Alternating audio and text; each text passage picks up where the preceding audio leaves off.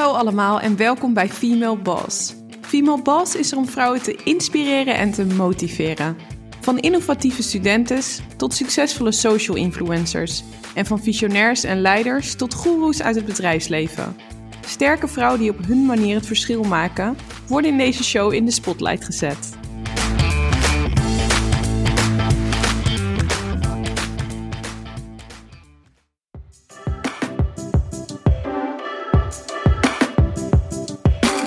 Welkom allemaal bij de tweede aflevering van seizoen 3. In deze aflevering spreek ik met neuropsycholoog Ilke Oner over belemmerende overtuigingen. Je weet wel, dat negatieve stemmetje in je hoofd dat zorgt dat je niet volledig jezelf kunt zijn. Heel irritant. Ilke is neuro-expert en coach. Ze helpt mensen de regie over hun leven te nemen, de remmende werking van hun brein te doorbreken en keuzes te maken waar ze van aangaan in plaats van uitdoven. Ilke groeide zelf op in een achterstandswijk en had als jong Turks meisje ook last van belemmerende overtuigingen. Uit angst om niet goed genoeg te zijn, voelde ze zich vaak onzeker en ontwikkelde ze faalangst. Zonder geld en netwerk, maar wel met de vooroordelen over haar afkomst, lukte het Ilke toch om zelfs tijdens de crisisperiode op te klimmen naar goede posities in het bedrijfsleven.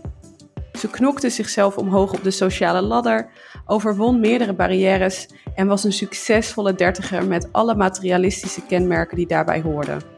Een mooi huis, een dikke leaseauto en een flink salaris. Haar ouders waren super trots, maar Ilke liep vast. Ze realiseerde zich dat ze keuzes vanuit haar hoofd maakte en zich hierbij liet leiden door wat de omgeving en de maatschappij van haar verwachten. Ze geloofde niet dat een geweldig mooi leven ook voor haar was weggelegd. Ze was onzeker en ging daardoor overcompenseren, zocht bevestiging en goedkeuring bij anderen en langzaam doofde haar vuurtje. Het resulteerde in een burn-out. In dit interview deelt Ilke hoe ze hieruit is gekomen en hoe zij nu mensen met soortgelijke problemen helpt met haar academy. Via één op één coaching en groepstrajecten leert ze mensen dus hoe zij hun brein in hun voordeel kunnen gebruiken en meer vanuit hun hart kunnen leven.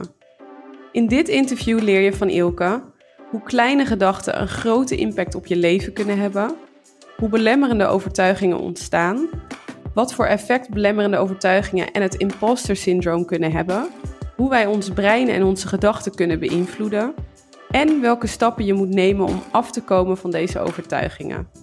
Luister dus snel mee voor een goede dosis inspiratie en motivatie.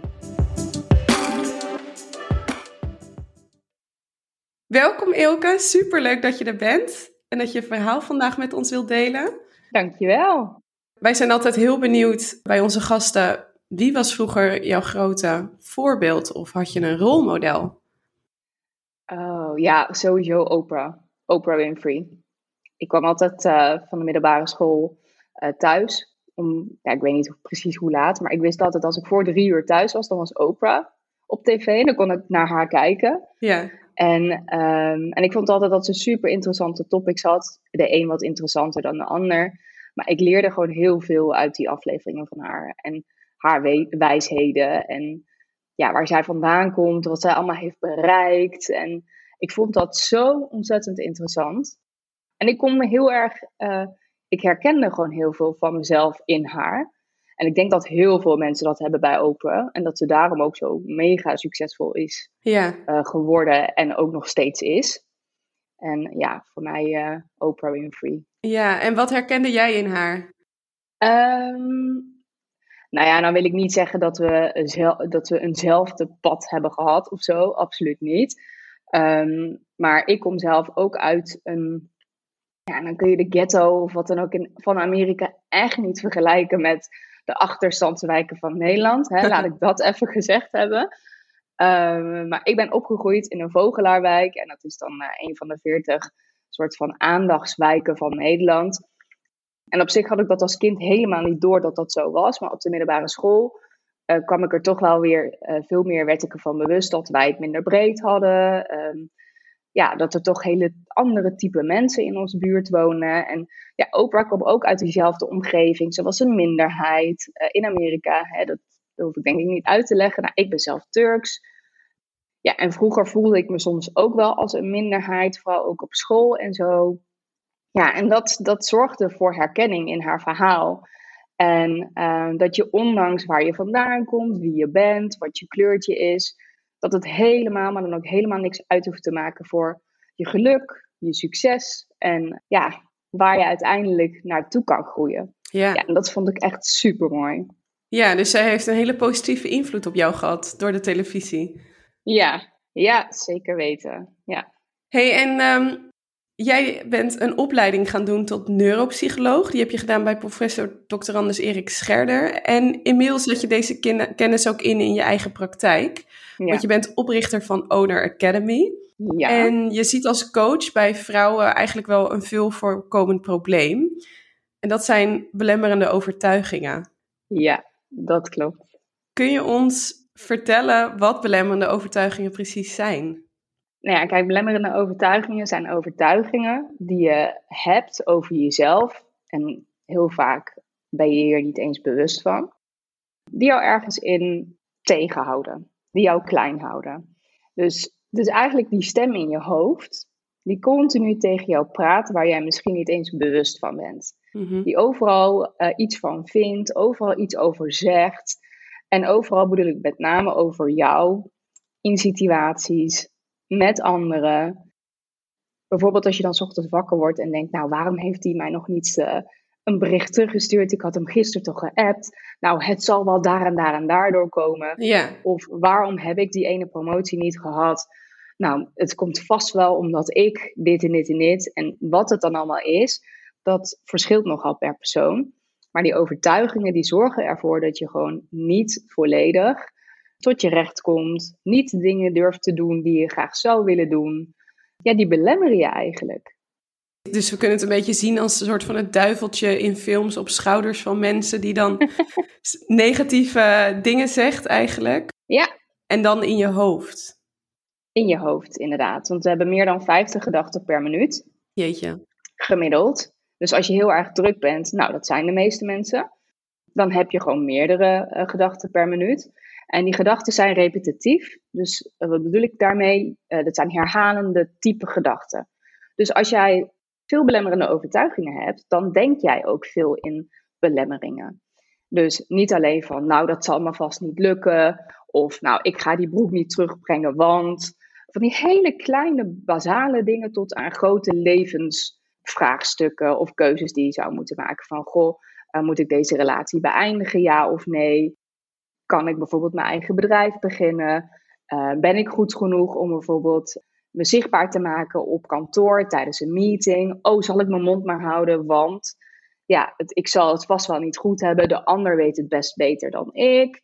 Weet je, allemaal van dat soort gedachten die je niet helpen, mhm. maar eigenlijk je belemmeren om verder te komen in het leven. Ja, en het klinkt ook alsof het misschien in het moment kleine gedachten zijn, maar hoe, mhm. je hebt er dus, wat jij zegt, je hebt dus 50 gedachten gemiddeld per minuut. Dus hoe meer mhm. van dat soort belemmerende gedachten je hebt, hoe groter de impact waarschijnlijk ook is op je leven. En misschien wel in grotere mate eigenlijk. Ja, zeker weten. Zeker weten. Het, het kunnen al, weet je, hoe, die kleine dingen, bijvoorbeeld je loopt langs iemand en iemand kijkt je niet aan of zegt je geen gedag. Nou, wat denk je daar dan over? Weet je, je denkt daar hoe dan ook wel iets over. Ja. Maar je staat er niet bij stil wat je erover nadenkt. En het zijn die kleine dingen die eigenlijk een soort van ook duidelijk maken hoe jij denkt over de grote dingen. En dat klinkt misschien heel uh, gek, maar als je daar een beetje bewust van wordt, dan merk je dat daar een heel duidelijk patroon zit.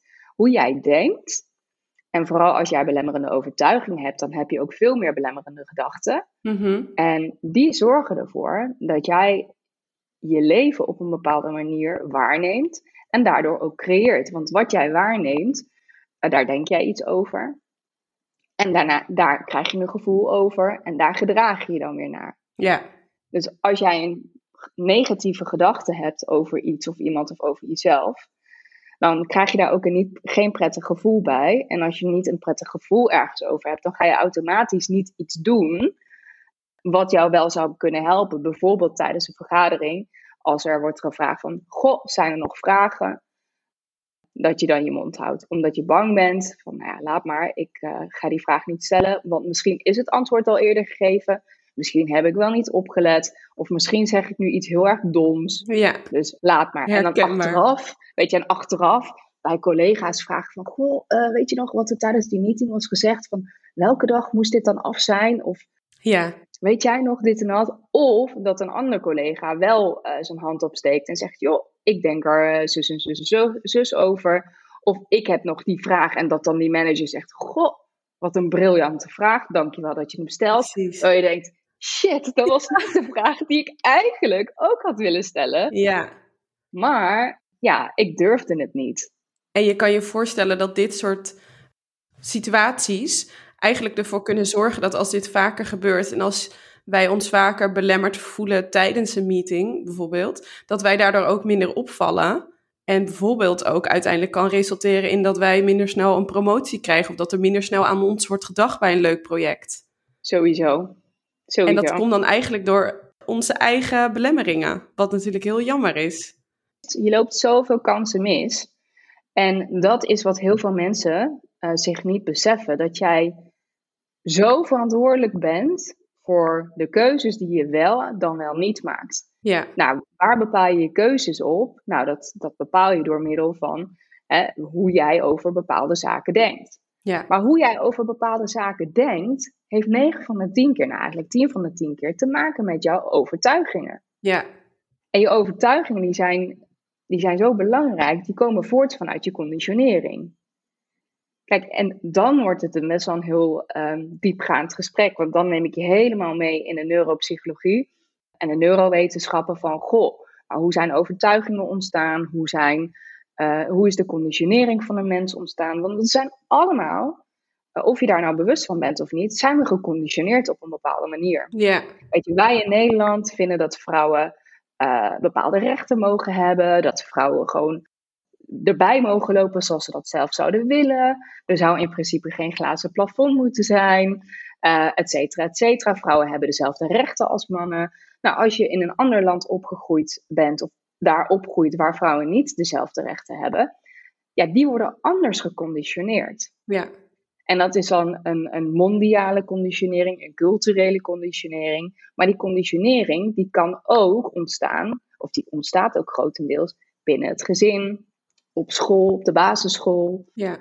Um, Genderrolpatronen zijn denk ik ook een voorbeeld van conditionering. Ja. Ook. En dat zijn heel veel um, dingen waar we ons niet bewust van zijn. We staan er niet eens stil bij waarom we eigenlijk bepaalde dingen vinden, waarom we eigenlijk bepaalde dingen denken, waarom we bepaalde dingen doen. En op het moment dat je daar bewust van wordt, dan kun je echt leiderschap nemen over je eigen leven.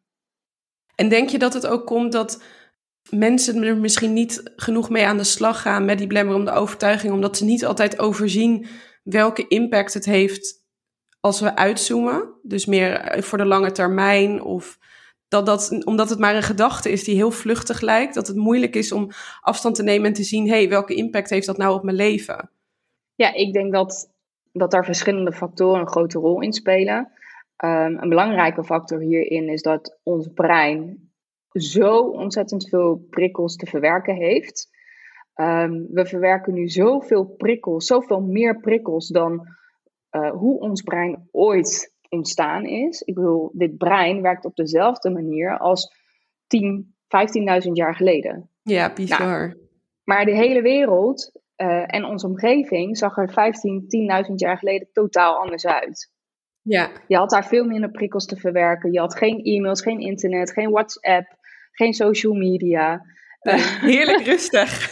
geen, weet je, overzichtelijk. Ik weet niet of, ja, en ja. weet je, nu alleen al, als je gewoon alleen al het internet en je telefoon zou bekijken met de prikkels, met de hoeveelheid prikkels die je waarneemt, die jij eigenlijk je brein als opdracht geeft om dat te analyseren, om daar um, uh, een betekenis aan te geven, dat je daar iets van vindt, dat je daar iets over kan voelen bijvoorbeeld. Nou, dat, dat neemt zoveel tijd in beslag. Dan heb ik het niet eens over dat je in de auto zit, moet opletten, boodschappen moet doen. Um, nou, zoveel andere dingen moet doen. En de techniek heeft ons ook geholpen dat je minder bezig bent met je lichaam. Want hey, we hoeven onze eigen was niet te wassen, we hoeven onze eigen vaat niet te wassen. De boodschappen kun je bestellen. Je kleding kun je online bestellen. Weet je, je water komt gewoon uit de kraan. Je wc is gewoon in huis. Uh, dat waren dingen die bijvoorbeeld 100 jaar geleden allemaal niet vanzelfsprekend waren. Nee. En je was veel meer met je lijf bezig, minder met je hoofd. Nu staan we eigenlijk gelijk voor op het moment dat je wakker wordt. Nou, wie kijkt er niet op zijn telefoon?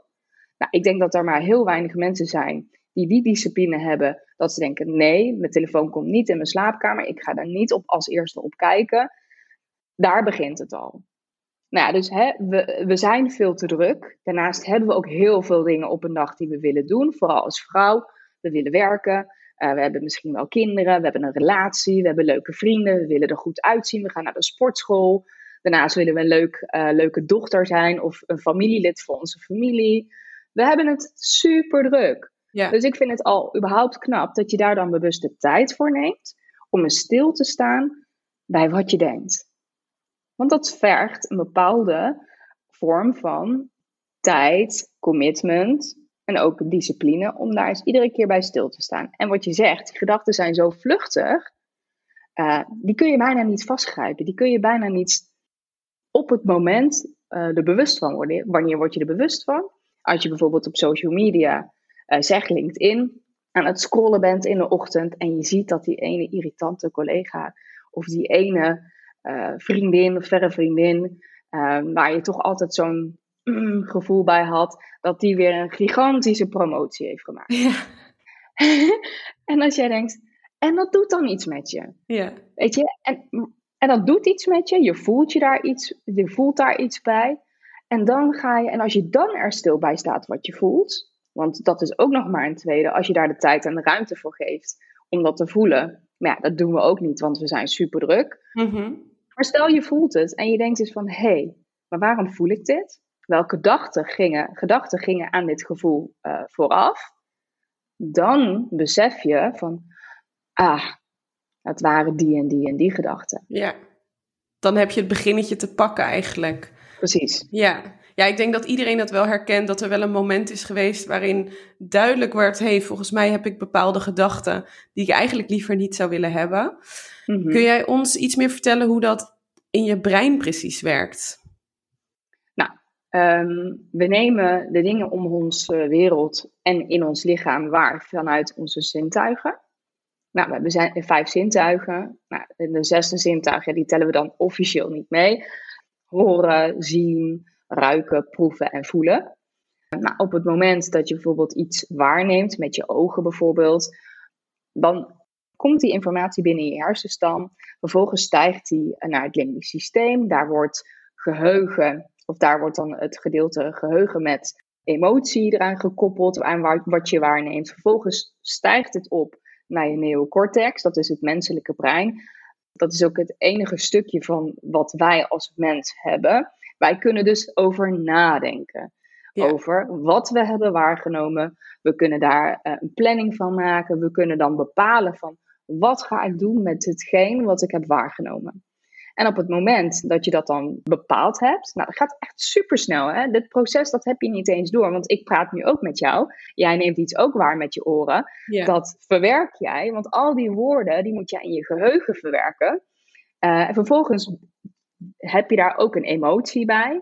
Uh, dan je denkt, oh wat interessant wat ze vertelt, ga ik maar even vanuit. Ja, zeker. en dan uh, op het moment dat je denkt, oh ja, hier wil ik op reageren, dan praat je terug. Nou, zo werkt het eigenlijk heel concreet, maar zo werkt het dus ook in sociale context, in interpersoonlijke context, in wat jij van jezelf ten opzichte van de wereld en de mensen om je heen vindt. Ja. Dus je neemt iets waar vanuit je zintuigen, daar denk je iets over, dat wordt uh, geprocessed zeg maar in het brein, wordt verwerkt. Vervolgens wordt het dan weer top-down vanuit je hersenen terug de signalen het lichaam ingestuurd. Dan voel je er iets bij om uiteindelijk in beweging uh, gebracht te worden. Dus om je gedrag daarop aan te passen. En wat gebeurt er met het gedrag? Het gedrag zorgt altijd weer voor een bepaald gevolg. En dat gevolg zorgt altijd weer voor een volgende gebeurtenis, zodat jij weer iets kan waarnemen. Bijvoorbeeld tijdens een meeting je mond houden. Je, je hoort die vraag. Zijn er nog vragen? Wilt er iemand nog iets delen? Heeft er iemand nog een goede opmerking of uh, een goed idee? Ja. Jij denkt eigenlijk, oh dat heb ik. Maar weet je wat, laat maar, want ja, misschien zeg ik iets heel doms en ja, nee, laat ook maar. Dus je past je gedrag daarop aan. Het gevolg is dat je misschien een kans misloopt of dat een ander collega wel zijn of haar hand opsteekt en zegt: Joe, ik heb een fantastisch idee. En het gevolg is dat hij of zij ja, positief bekrachtigd wordt of opvalt, zichtbaar is en jij niet. Ja, en beide, beide stappen gebeuren. Dus dat je denkt: oké, ik wil iets inbrengen. En dat je daarmee erachteraan denkt: oh, misschien moet ik dat toch niet doen om die of die reden. Mhm. Beide gebeurt in hetzelfde deel van je brein, of niet? Ja. Dus dat maakt het wel uitdagend. Maar volgens mij breng jij hoop, want jij zegt je kunt daar wel wat aan doen. Ja, zeker. Je kan daar zeker wat aan doen. En dat heeft ook te maken, dat is ook weer zo'n uh, zo'n term wat ik echt duidelijk wil maken aan mensen, is dat je brein is heel flexibel. Um, het is heel plastisch. Wat, wat betekent dat op het moment dat er iets gebeurd is, bijvoorbeeld je hebt een ongeluk of een hersenbeschadiging, dan zijn je hersenen ertoe in staat om dat te herstellen. Niet altijd, want het ligt eraan wat voor een beschadiging dat is. Maar je hersenen zijn in staat om dat te herstellen. Daarnaast zijn je hersenen er ook in, toe, uh, in staat dat je een nieuwe skill kan leren. Bijvoorbeeld, uh, stel, uh, ik weet niet of jij goed kan tennissen of goed kan salsa dansen of een andere taal wil leren, bijvoorbeeld mm Spaans of zo. Nu kun je dat misschien niet. En in het begin dat je dat dan voor het, weet je, de eerste paar lessen krijgt, nou, dan bak je er ook misschien nog niet zo heel veel van. Maar naarmate je het vaker doet, hoeveel meer effort en tijd en herhaling je erin steekt, hoe sneller je resultaat kan zien. Ja. En uiteindelijk, kijk, ik zeg niet dat als je op je veertigste bijvoorbeeld gaat leren tennissen, dan zeg ik niet dat je de Wimbledon kan winnen. Want daarbij is het ook van belang dat je hersenen bepaalde banen kunnen maken en dat kunnen versterken. Als je dat op jonge leeftijd hebt aangeleerd, dat op jonge leeftijd zo diep hebt weten te versterken, dan, dan heb je een achterstand ten opzichte van die persoon wanneer jij op je 40ste, 50ste iets nieuws aanleert. Maar je kunt dan wel tennissen. Ja. Je kan tennissen. Sterker nog, je kan hartstikke leuk misschien wel tennissen. Ja. En sommige mensen zijn ervan overtuigd dat zij dus zo zijn zoals ze zijn. Met al hun overtuigingen, met al hun patronen. Ja, maar ik ben zo. Ja, mijn moeder en mijn vader deden dat ook zo. Ja, het zit in mijn karakter. Ja. Wie ben ik om dit te veranderen? Nee, ik geloof daar niet in. Want hoe, hoe zit dat precies als we kijken? Want je zegt inderdaad, het zit in mijn karakter. Of, uh, maar je gaf eerder aan van die conditionering. Als we kijken naar hoe ontstaan die belemmerende overtuigingen nou precies? Is dat nature of is dat nurture? Dat vind ik een hele goede vraag. Ik denk dat het deels ook aangeboren is.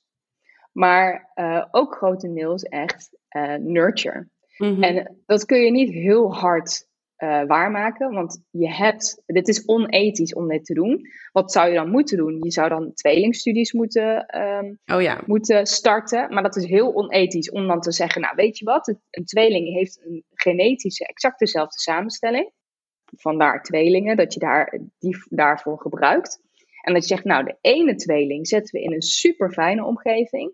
Met liefde, aandacht, waar ruimte is om fouten te maken. Uh, die gaat naar school en die wordt alleen maar aangemoedigd. Ook al kan hij of zij bepaalde dingen niet. En die andere tweeling, die zetten we ergens, bijvoorbeeld waar ik of Oprah vandaan zijn gekomen. Ja. En uh, ik kom uit een heel uh, lief gezin, hè, laat ik dat voorop stellen. Maar stel dat je zo'n tweeling dan in een heel naar gezin zet, zonder liefde, zonder aandacht. waar geen fouten gemaakt mogen worden, waar ze niet zichtbaar mogen zijn, waar ze gewoon vervelend zijn als ze zichzelf al zijn en dan is te kijken op lange termijn, wat doet nature? Want ze hebben dezelfde genetische aanleg. Ja, precies. Maar dat kun je bewijzen, want dat is onethisch om te toetsen. Precies, ja, dat zou wat te ver gaan. Er zijn wel tweelingen, inderdaad, die dan vanwege een adoptie of wat dan ook wel zo terecht zijn gekomen. En daarin zie je ja, dat nurture gewoon een enorm grote rol speelt. Ja, en zou je kunnen zeggen dat voor het stuk nature, dat het misschien meespeelt, dat er belemmerende overtuigingen ergens misschien de basis hebben in het beschermen van ons? Dus dat we dingen denken om onszelf te beschermen tegen invloeden van buitenaf?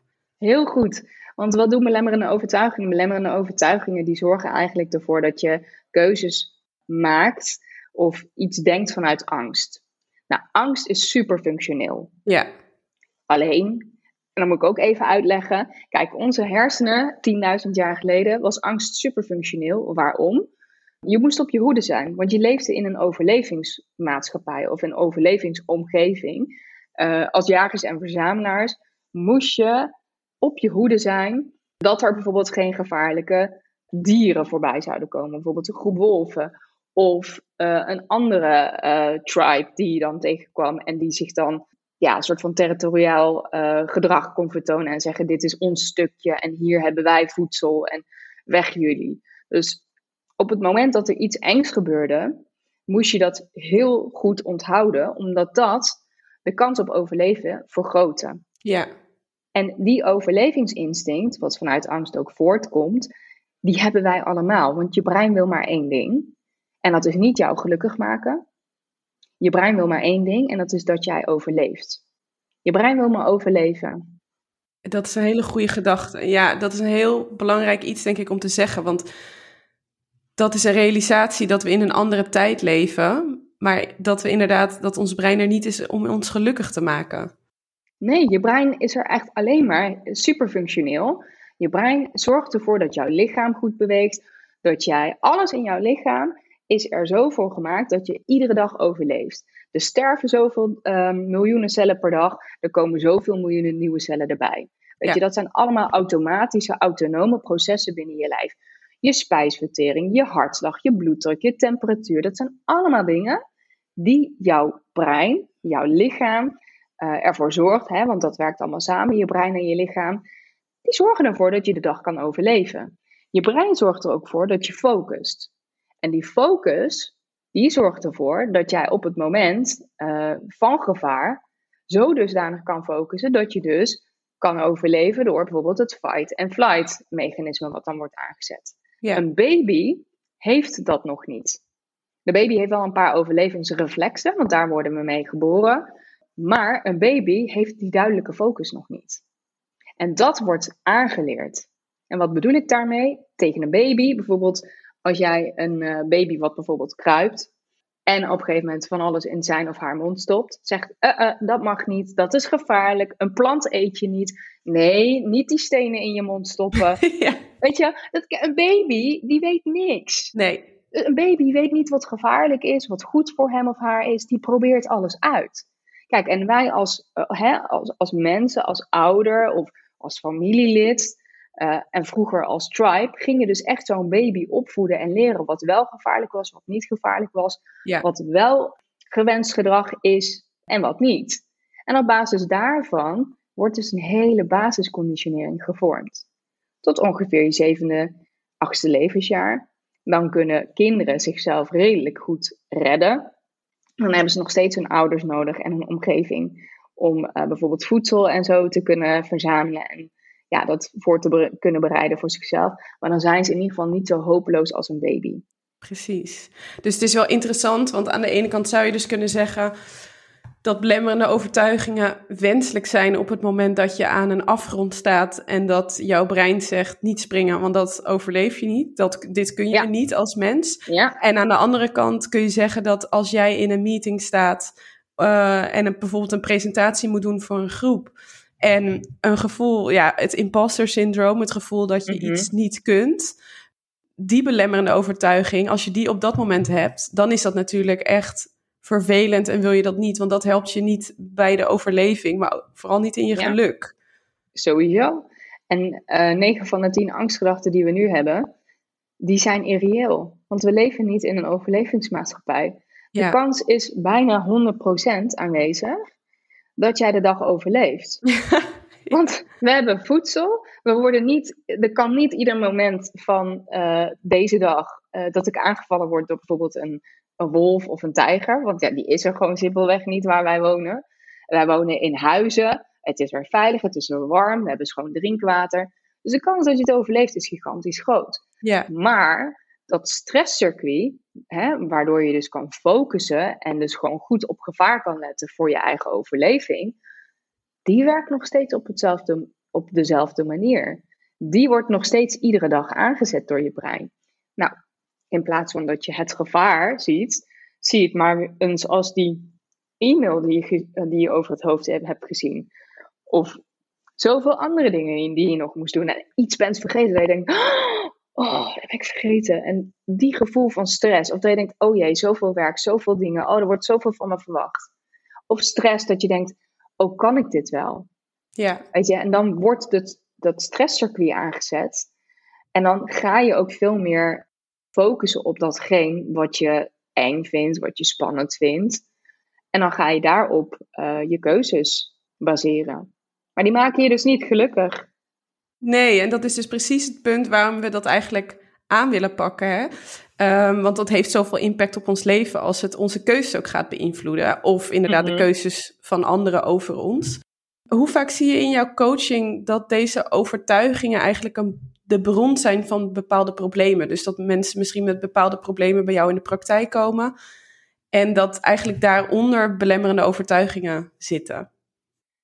Ja, altijd. ja. Altijd. Want ik zeg, ik zeg ook altijd: het probleem is nooit het probleem. Dus mijn klanten komen met een probleem. Ja, ik weet niet welke keuze ik moet maken. Of, oh ja, ik laat me echt klein houden. Ik zou meer willen, maar ik durf het niet.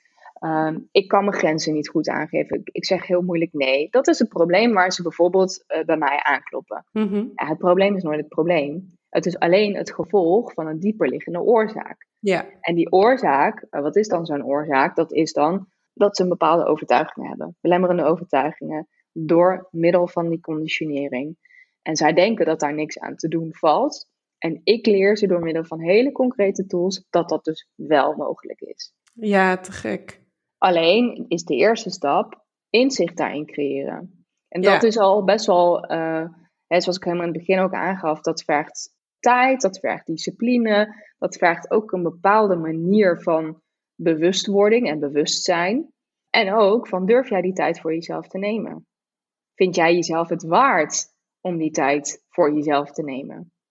En besef je wat het uiteindelijke resultaat kan zijn als je nu die tijd neemt om dit aan te pakken? Precies. En niet alleen het resultaat, maar wat kost het je als je op deze manier doorgaat? Welke kansen loop je mis? En puur van de kansen, maar wat zou dat dan betekenen voor je geluk, maar ook voor in je portemonnee? Want welke businesskansen loop je mis omdat jij je niet zichtbaar maakt op bijvoorbeeld tijdens een vergadering? Of niet zichtbaar maakt bij je manager? Of als ondernemer, zoals ik zelf, niet zichtbaar durft te maken op social media? Ja. Weet je, welke kansen loop je mis? Hoeveel klanten loop je mis? Weet je, welke promoties loop je allemaal mis? Ja. En wat betekent dat in jouw ontwikkeling, maar ook in je eigen portemonnee? Dus eigenlijk dat besef van de business case die je zelf bent op dat moment. Van mhm. wat, wat voor resultaten kan ik hiermee behalen, maar inderdaad vooral wat kost het me als ik het niet doe. Dat maakt dus dat die urgentie duidelijker wordt. En volgens mij heb ik jou ook horen zeggen, we hebben vaak als mensen het gevoel dat we ons brein zijn. Omdat ik je net al in een aantal voorbeelden mm. ook hoorde zeggen: ik ben gewoon zo of ik kan dit gewoon niet. Maar jij mm. zegt eigenlijk van nee, we hebben een brein en dat kunnen we beïnvloeden. Ja, ja, zeker. Dat zeg ik ook al, eigenlijk ook altijd tegen mijn klanten. Je bent niet je gedachten, je hebt die gedachten. Ja. En die gedachten kun je eigenlijk ook veranderen. Weet je, en op het moment dat je bewust wordt van een gedachte, dan zijn die gedachten al gepasseerd. Maar dan kun je denken: nee, wacht even. Ik denk weer heel, heel negatief. Ik denk dat omdat Pietje net langs mij liep, mij niet aankeek. Zie je nou wel, Pietje vindt me niet leuk genoeg. Ik wist het wel dat hij me niet mocht. Ik heb altijd het gevoel gehad dat hij me al eh, vervelend vond. En dit is het bewijs. En dan kun je jezelf helemaal zonder dat je het weet, soort van, uh, ja, de put in praten klinkt groot, maar er zijn genoeg gevallen dat je het ook doet. Zeker. En op het moment dat je daar bewust van wordt, dan kun je zeggen: nee, kap hiermee. Dit is helemaal geen feit dat Pietje mij niet leuk vindt. Jezelf remmen in, in, de, in de soap waar je in gaat. Exact. in je hoofd, ja. Exact, want hoe vaak hebben we dit wel niet meegemaakt? Dat je hele scenario's afspeelt in je hoofd. Over jezelf, met betrekking tot anderen. Die helemaal niet waar blijken te zijn. Dan denk je, zie je nog wel, ze had me niet geappt, ze vindt me niet belangrijk. Wat blijkt? Is haar dochter ziek geworden. Heeft ze ook nog een rotdag gehad op het werk. En wilde ze je appen, maar er kwam van alles tussendoor. En jij denkt, oh wat erg. Ik heb gedacht dat ze mij niet leuk vond, mijn armen. Weet je wel, oh wat erg, zij heeft gewoon best wel een rotdag gehad. Ja, en je was zo op jezelf gefocust in de negatieve zin. hey, en jij helpt mensen hierbij. Kun je ons meenemen, ook al kan dat niet in de diepte die je doet, natuurlijk in coaching of in je groepsessies, maar wat zijn nou de stappen hoe je deze gedachten kunt ombuigen? Want er is dus hoop. We kunnen hier wat aan doen. Zeker. Nou, allereerst is bewustwording. Weet je, bewustwording is echt het aller, aller, allerbelangrijkste. Ja. En dan, als je bewust bent van je patronen en je gedachten, tweede stap is verantwoordelijkheid nemen daarover. Weet je, neem je verantwoordelijkheid. Weet, en dat is soms ook lastig, want op het moment dat mensen bewust worden van waar het vandaan komt, überhaupt van wat ze denken en waar het vandaan komt, want dat is stap 1, wat, wat ik doe, dan kunnen mensen ook onwijs verdrietig worden. Dan kunnen ze soms ook de ruimte hebben om even te rouwen om wat er eigenlijk is gebeurd, wat ze nodig hadden, wat ze hebben gemist in hun jeugd bijvoorbeeld. Ehm, dan heb je tijd om even te rouwen of om dat een plek te geven.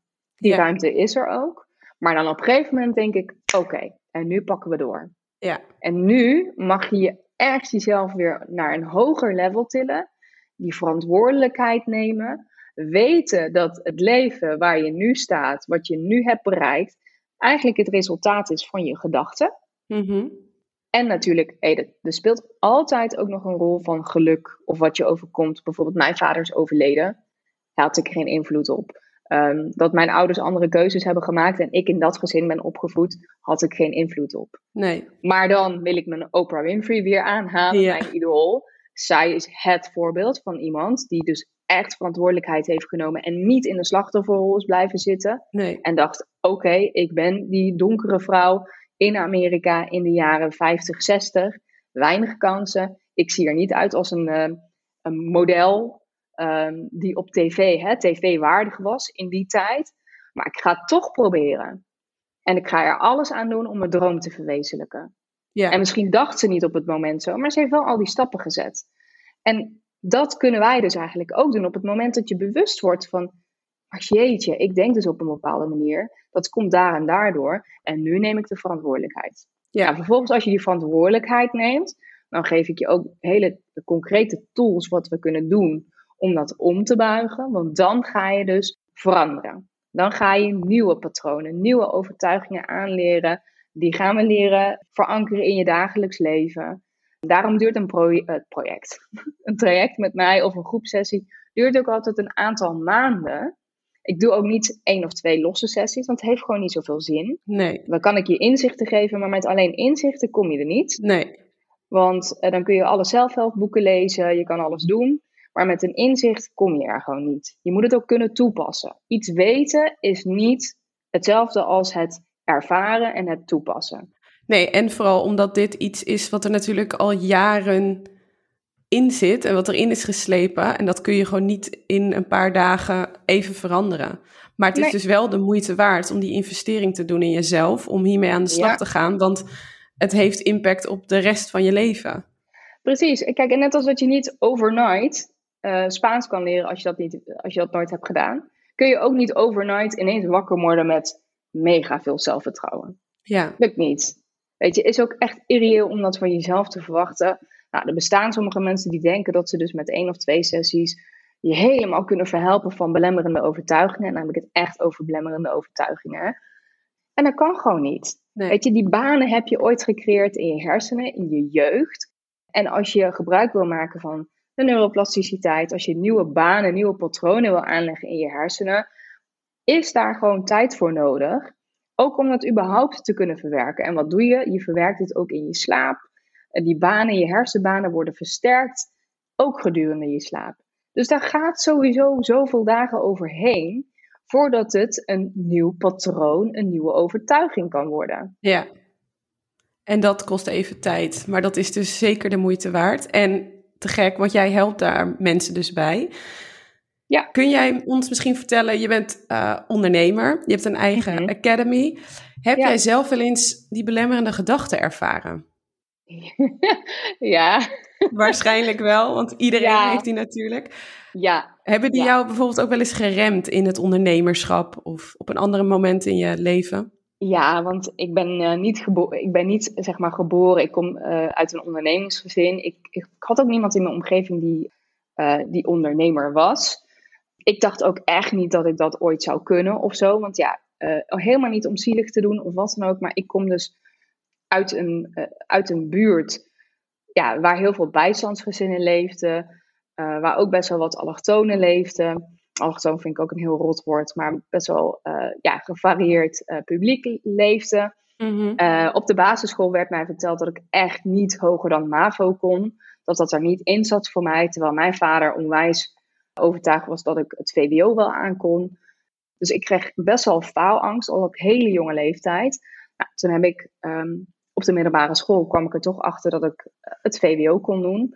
En toen ik uiteindelijk het VWO mocht doen, was ik echt eigenlijk al vanaf de brugklas bang voor het eindexamen. Omdat ik echt oh. zo ervan overtuigd was dat ik het niet kon.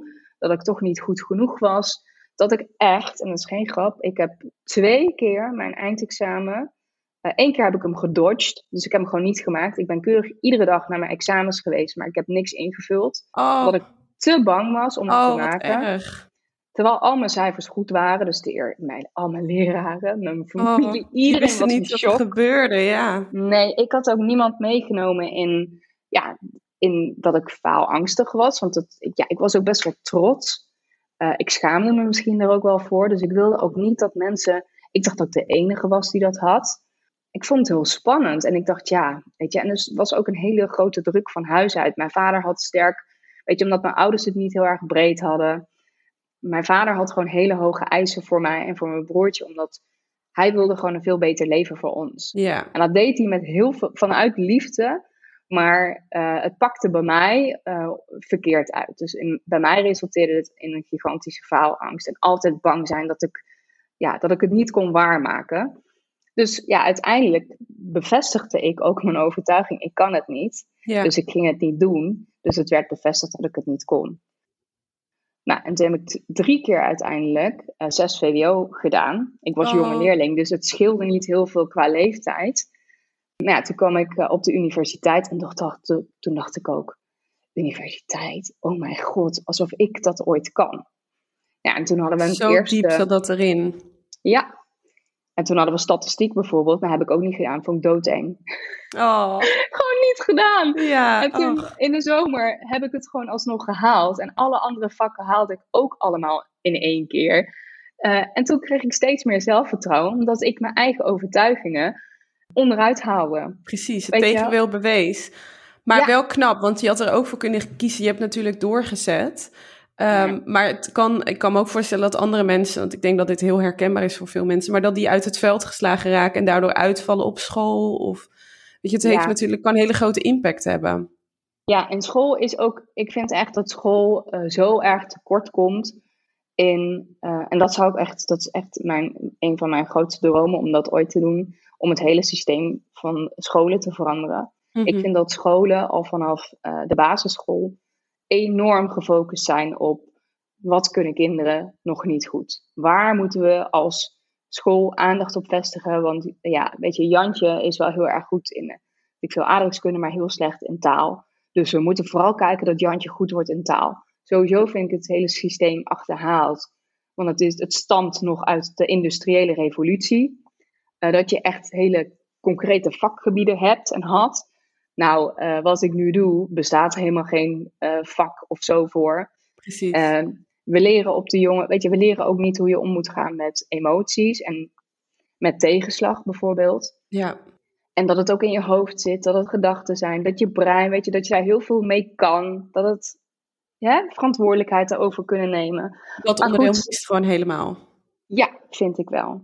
En um, als je dat jonge kinderen al kunt aanleren, dan ben ik ervan overtuigd dat ze zulke andere resultaten kunnen behalen. In plaats van alleen maar focussen op wat ik dus ook had van, ja, jij kunt dat niet. Dus uh, van jou zal er uiteindelijk niet zoveel van terechtkomen. En, en dat gevoel, ik wist altijd wel dat ik heel erg faalangst had en daardoor creëerde ik perfectionisme. En dat heb ik meegenomen ook in de rest ja, van mijn leven, tot een paar jaar geleden eigenlijk. Want ik ging ook het hele conventionele pad op, de hele standaardroute. Ik dacht, nou, Jezus, als ik het VWO haal, dan dan is het gelukt. Ja. En daarna was het nou, als ik uh, mijn universitaire studie uh, behaal, wow, dan is het fijn. Nou, vervolgens kwam er iedere keer van... Weer een nou, nieuw ik- doel waar je dan naar ging streven. En Ja. als je er was, dan voelde je misschien niet het geluk dat je had verwacht dat je daarbij zou voelen. Precies, en dat was iedere keer het geval. Ik heb neuropsychologie gestudeerd. Daarna wilde ik nog marketing studeren. Heb ik ook gedaan, ook eh, aan de VU. Heb ik ook goed afgerond. Nou, toen dacht ik, nou moet ik echt een fantastisch goede baan vinden. Nou, als ik ergens bij L'Oréal of wat dan ook terechtkom, nou, dan heb ik het gemaakt. Nou, daar kwam ik uiteindelijk bij terecht als stagiair en daarna bijvoorbeeld bij Tele2. Nou, en uiteindelijk, ik voelde me helemaal niet gelukkig. En toen dacht ik, nou, dat zal wel aan mijn baan liggen, weet je wel. Maar ik moet een baan, een vast contract, want dan kan ik een huis kopen. Ja. Weet je, en iedere keer zette ik die stappen. Ik maakte rationele keuzes, want als ik goed naar mijn gevoel had geluisterd, dan had ik al lang geweten: dit is niet mijn pad. Hier liggen niet mijn talenten. Maar ik heb het nooit geleerd, weet je. Ik kwam ook niet uit het gezin, want mijn ouders waren al lang super trots en blij Ja. dat ik de universiteit had gedaan. Want mijn vader had dan eindelijk de bevestiging gekregen van zie je nou wel, mijn dochter was wel het VWO waard en niet die MAVO. Ehm, Ja, en je kunt je sowieso afvragen, inderdaad, want je zegt ik maakte keuzes op, op ratio. Ehm, in hoeverre wij in onze samenleving, wat je al eerder benoemde, hoe onze samenleving er nu uitziet, in, hoe, in welke mate we nog handelen op ons gevoel. En dicht, of überhaupt ons, ons lichaam voelen en daarmee in connectie staan. Ik denk dat veel mensen dat herkennen. En dat dat misschien ook wel wordt ondergewaardeerd. Misschien bij vrouwen dat bijvoorbeeld het handelen op intuïtie. Hè, dat wordt bijvoorbeeld, denk ik, in veel organisaties of in de maatschappij niet per se als waardevol gezien of eh, wordt niet per se gestimuleerd. mhm. Terwijl dat natuurlijk wel heel dicht bij je gevoel staat. En eigenlijk geef jij nu aan van dat je er steeds meer achter kwam van ik heb mijn hele leven eigenlijk keuzes gemaakt op basis van ratio, Ja. maar dat maakt me eigenlijk niet gelukkig. Nee, en kijk, soms is het ook mo- moeilijk om daar een onderscheid in te maken van welk gevoel luister je. Want angst is ook een bepaald vorm van gevoel, maar dat wordt door je brein aangestuurd. Terwijl vertrouwen en liefde voel je veel meer vanuit je hart en vanuit je intuïtie. Dus ik luisterde voor mijn gevoel heel vaak naar het gevoel van dit voelt niet goed. Ja. Dus ik, dan ga ik stoppen met deze baan, want dit voelt niet goed. Terwijl bijvoorbeeld andere mensen ervoor kozen om daar te blijven, ondanks dat ze het niet leuk vonden. Dus ik dacht, zie nou wel, ik luister wel naar mijn gevoel, want ik hak wel knopen door en ik ga iets anders doen. Maar ik had dus niet geleerd om echt te voelen, maar waar word ik gelukkig van? Weet je, en niet van waar word ik ongelukkig van en daar maak ik dan keuzes op en daar stop ik dan mee. Maar Ja, vooral goed te beseffen, wat past daar goed bij mij? En waar word ik gelukkig van? En zou ik dat, weet je, en dan komen heel vaak belemmerende overtuigingen. Want stel dat je wel leert om naar dat gevoel te luisteren. Dat heb ik later ook weer ervaren in mijn eigen bedrijf. Toen had ik de knoop doorgehakt om mijn bedrijf te starten. En toen dacht ik, dit is wat ik wil. Dit is waar mijn hart sneller van klopt. En wat gebeurde er? Toen moest ik zichtbaar zijn, moest ik andere dingen doen. Oh jee, dat vond ik ook weer doodeng. ja, Of ik moest risico's nemen, want ik dacht, ja, nu heb ik een hypotheek. Ga ik straks wel geld verdienen? En jeetje, wat gebeurt er dan? ja. Dus daar kwamen vanuit angst ook weer heel veel overtuigingen. Dat ik dacht, oh, wat moet ik hiermee? Maar bij mij was die wil zo sterk aanwezig dat ik dacht van ja, weet je, ik heb alles al geprobeerd in mijn leven en niks is het. Die onrust, die bleef. Sterker nog, ik kreeg een burn-out daarvan. En ja, dan, dan moet je echt achter je oren krabben en denken van de eerste paar keer of de eerste twee keer kunnen het je omstandigheden zijn. ja. Maar als het drie keer, vier keer iets hetzelfde gebeurt, dan vind ik echt dat je verantwoordelijkheid mag nemen over je eigen shit. ja, En over je eigen resultaten. ja. En dan mag denken van, oké, ik heb het nu drie keer op deze manier gelukt. Het is het niet. Hoe dan wel? En kan ik dat zelf? Of heb ik daar hulp voor nodig? Want we hebben allemaal een blinde vlek. Ik bedoel, ik had neuropsychologie gestudeerd. In de praktijk, of in ieder geval eh, in theorie, wist ik alles over het brein. ja. Maar in theorie, hè, en dat is wat ik bedoel met weten, is niet hetzelfde als het toepassen en ervaren. Precies. En het is oké om hier hulp bij te vragen, want dit is gewoon voor, ik denk dat iedereen herkent dit. Ik denk dat iedereen een vorm van belemmerende overtuigingen in zich heeft. Mhm. Maar dat dat dus wel, ja, dat je daarmee aan de slag kunt gaan. Ja, en sowieso, want bij jezelf heb je gewoon een blinde vlek. Weet je, een arts kan ook zichzelf niet opereren. Dat moet een andere arts doen. Weet je, je kan bij jezelf niet, en dat is ook weer een coping en een overlevingsinstinct van het brein. Je brein staat er niet toe om je eigen pijn te ervaren, om, om het weer her te beleven. Dus wat heb je? Je hebt een copingmechanisme gecreëerd om daaromheen te lopen, om die pijn niet meer her te beleven. Want dat was functioneel. Want stel dat jij vroeger ergens in het bos kwam waar dus een groep wolven waren, dat moest je onthouden. Nou, dan, dan ont, onthield je dat en dan ging je dus andere route bewandelen. Om dat te ontwijken. En datzelfde doe je dus ook met die belemmerende overtuigingen. Een pijnlijk, uh, pijnlijke ervaring die je daarvoor hebt gehad, waardoor je overtuigingen en patronen hebt gecreëerd. Die ga je ontwijken. Ja. En als je bij jezelf probeert het allemaal toe te passen, lukt niet. Want je ontwijkt het, het stukje wat het meest kwetsbare is. En dat, die eerste stap waar jij het over had, helpt dan het meeste om daar inzicht toe te krijgen. Ik denk dat mensen nu al bij het luisteren van dit gesprek al, ik denk, inzicht krijgen van hé, hey, ik herken dit. Ik herken het hebben van belemmerende overtuiging of bijvoorbeeld imposter syndroom. Hebben we vast allemaal wel eens meegemaakt. Mhm. Helpt het, denk je, om daarbij te vertragen? Is dat soort van de sleutel om dat inzicht te krijgen? Omdat je, wat je eerder zei, de wereld gaat super Maar hoe, om daar echt bij stil te staan, oh ja, van wat zijn nou die momenten dat ik dus dergelijke dingen over mezelf in mijn hoofd hoor? Ja, zeker. Vertragen, de stilte opzoeken, dus ga een keer naar buiten. Uh, loop in de natuur, gewoon in het bos of op het strand, maakt niet uit waar je woont.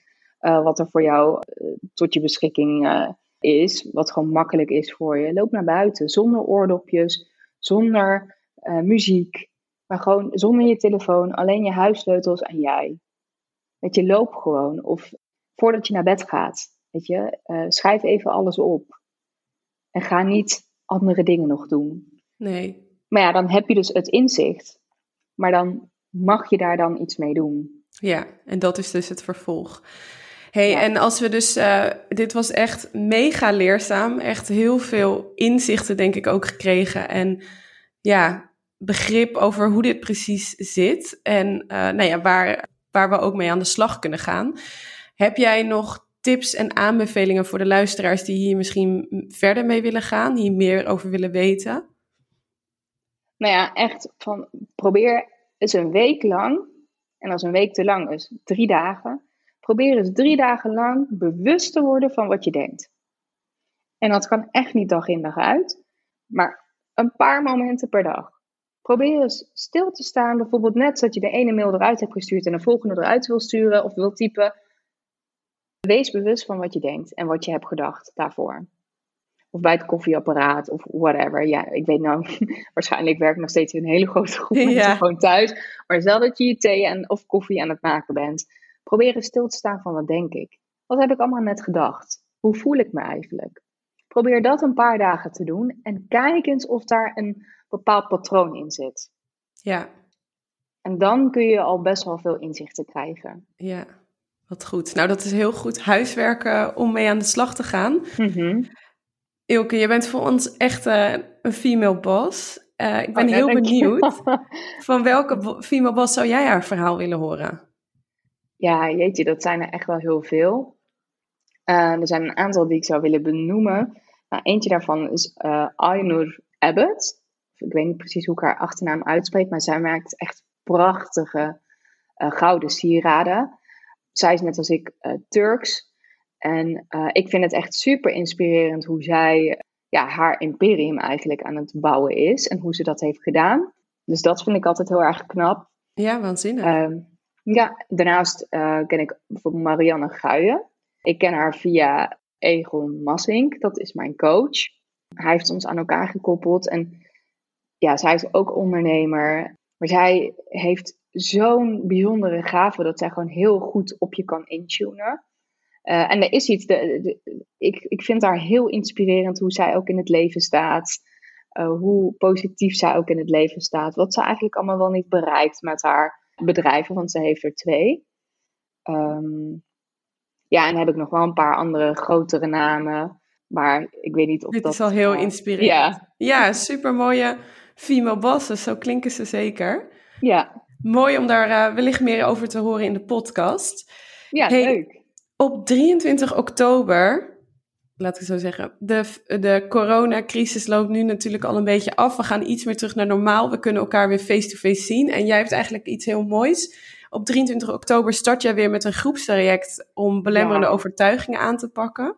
Ja, eindelijk. Ja, want ik ben ooit begonnen met een groep als groep in mijn bedrijf. En vanwege corona heb ik het allemaal weer naar één op één uh, gezet. En nu ga ik inderdaad starten met de groepen. Ja. En de groepen hou ik bewust ook klein, omdat ik in die groepen ruimte wil creëren voor dat we echt onszelf kunnen zijn. En ik merk dat toen ik in de burn-out zat en zelf helemaal uh, met mezelf aan de slag wilde gaan, want ik wilde gewoon echt het anders aanpakken. Toen heb ik ook echt van alles geprobeerd. Hè. Echt, you name it, I've done it. Echt waar. Van hele spirituele dingen waar ik niet in kwam, want ik was te nuchter. Tot aan zelf naar psychologen en trajecten. Maar datgene waar ik zo onwijs tegen opzag, weerstand voor had, maar mij het allermeeste heeft geholpen, dat waren groepsprocessen en groepstrajecten. Oh, wauw. Want daarin mag je dus jezelf volledig kwetsbaar opstellen. Ja. Uh, je komt je eigen patronen en overtuigingen keihard tegen.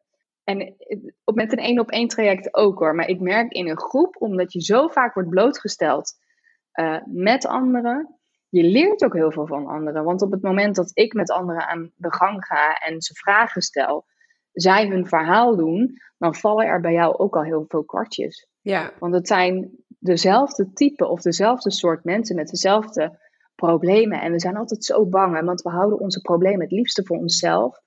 Omdat je misschien je ouders niet tekort wil doen. Je misschien ergens te trots bent of je verschaamt of bang bent dat het tegen je ooit gebruikt kan worden. Ja. Hey, we weten nooit wie we, hè, waar het verhaal kan belanden. Dat zijn de grootste angsten van mensen, ook die van mezelf destijds. Maar dan kom je erachter dat iedereen dezelfde verlangens heeft. En iedereen ook tegen dezelfde dingen aanloopt. En dat we eigenlijk allemaal gewoon mens zijn die zich te veel van andere mensen aantrekken. Die te veel zorgen, onnodige zorgen maken. Ja. Terwijl we het onszelf zo makkelijk zouden kunnen maken.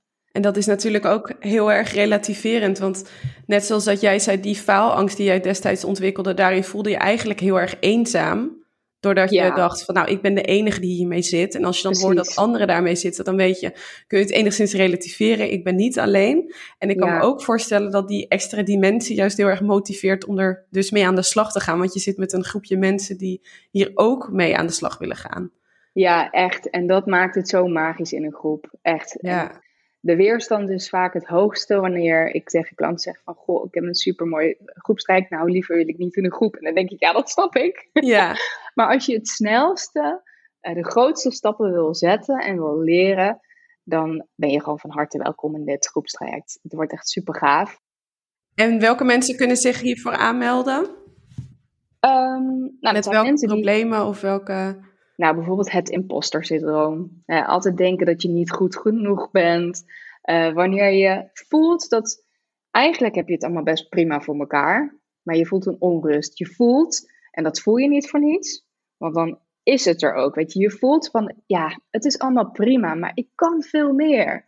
Maar ik laat het niet zien. Op de een of andere manier lukt het me niet om, om echt mezelf te durven zijn. Om echt, zeg maar, het maximale uit mezelf te halen. Er zit zoveel meer in jou, maar je krijgt het er nog niet uit. En waarom je het er niet uit krijgt, dat frustreert je ook. Dat zijn bijvoorbeeld de type mensen die echt bij mij eh, van harte welkom zijn. Die kampen met ja, dat ze af en toe onzeker zijn. En eh, veel meer zelfvertrouwen willen ervaren. En eigenlijk gewoon veel meer rust in je hoofd. Dat je gewoon dingen kan doen waar je blij van wordt. En je gewoon minder druk hoeft te maken. Ja, ja, heerlijk. Nou, echt zo motiverend dit ook. Super goed om te horen. Ook dat dit dus nu weer mogelijk is om in die groepsvorm aan de slag te gaan. Want dat werkt dus gewoon eigenlijk het allerbeste. En ik denk dat mensen hier wel heel enthousiast door zijn gemaakt door dit verhaal. Ook om hier zelf mee aan de slag te gaan. En als je denkt dat je hulp nodig hebt, dan kun je dus bij Ilke aankloppen.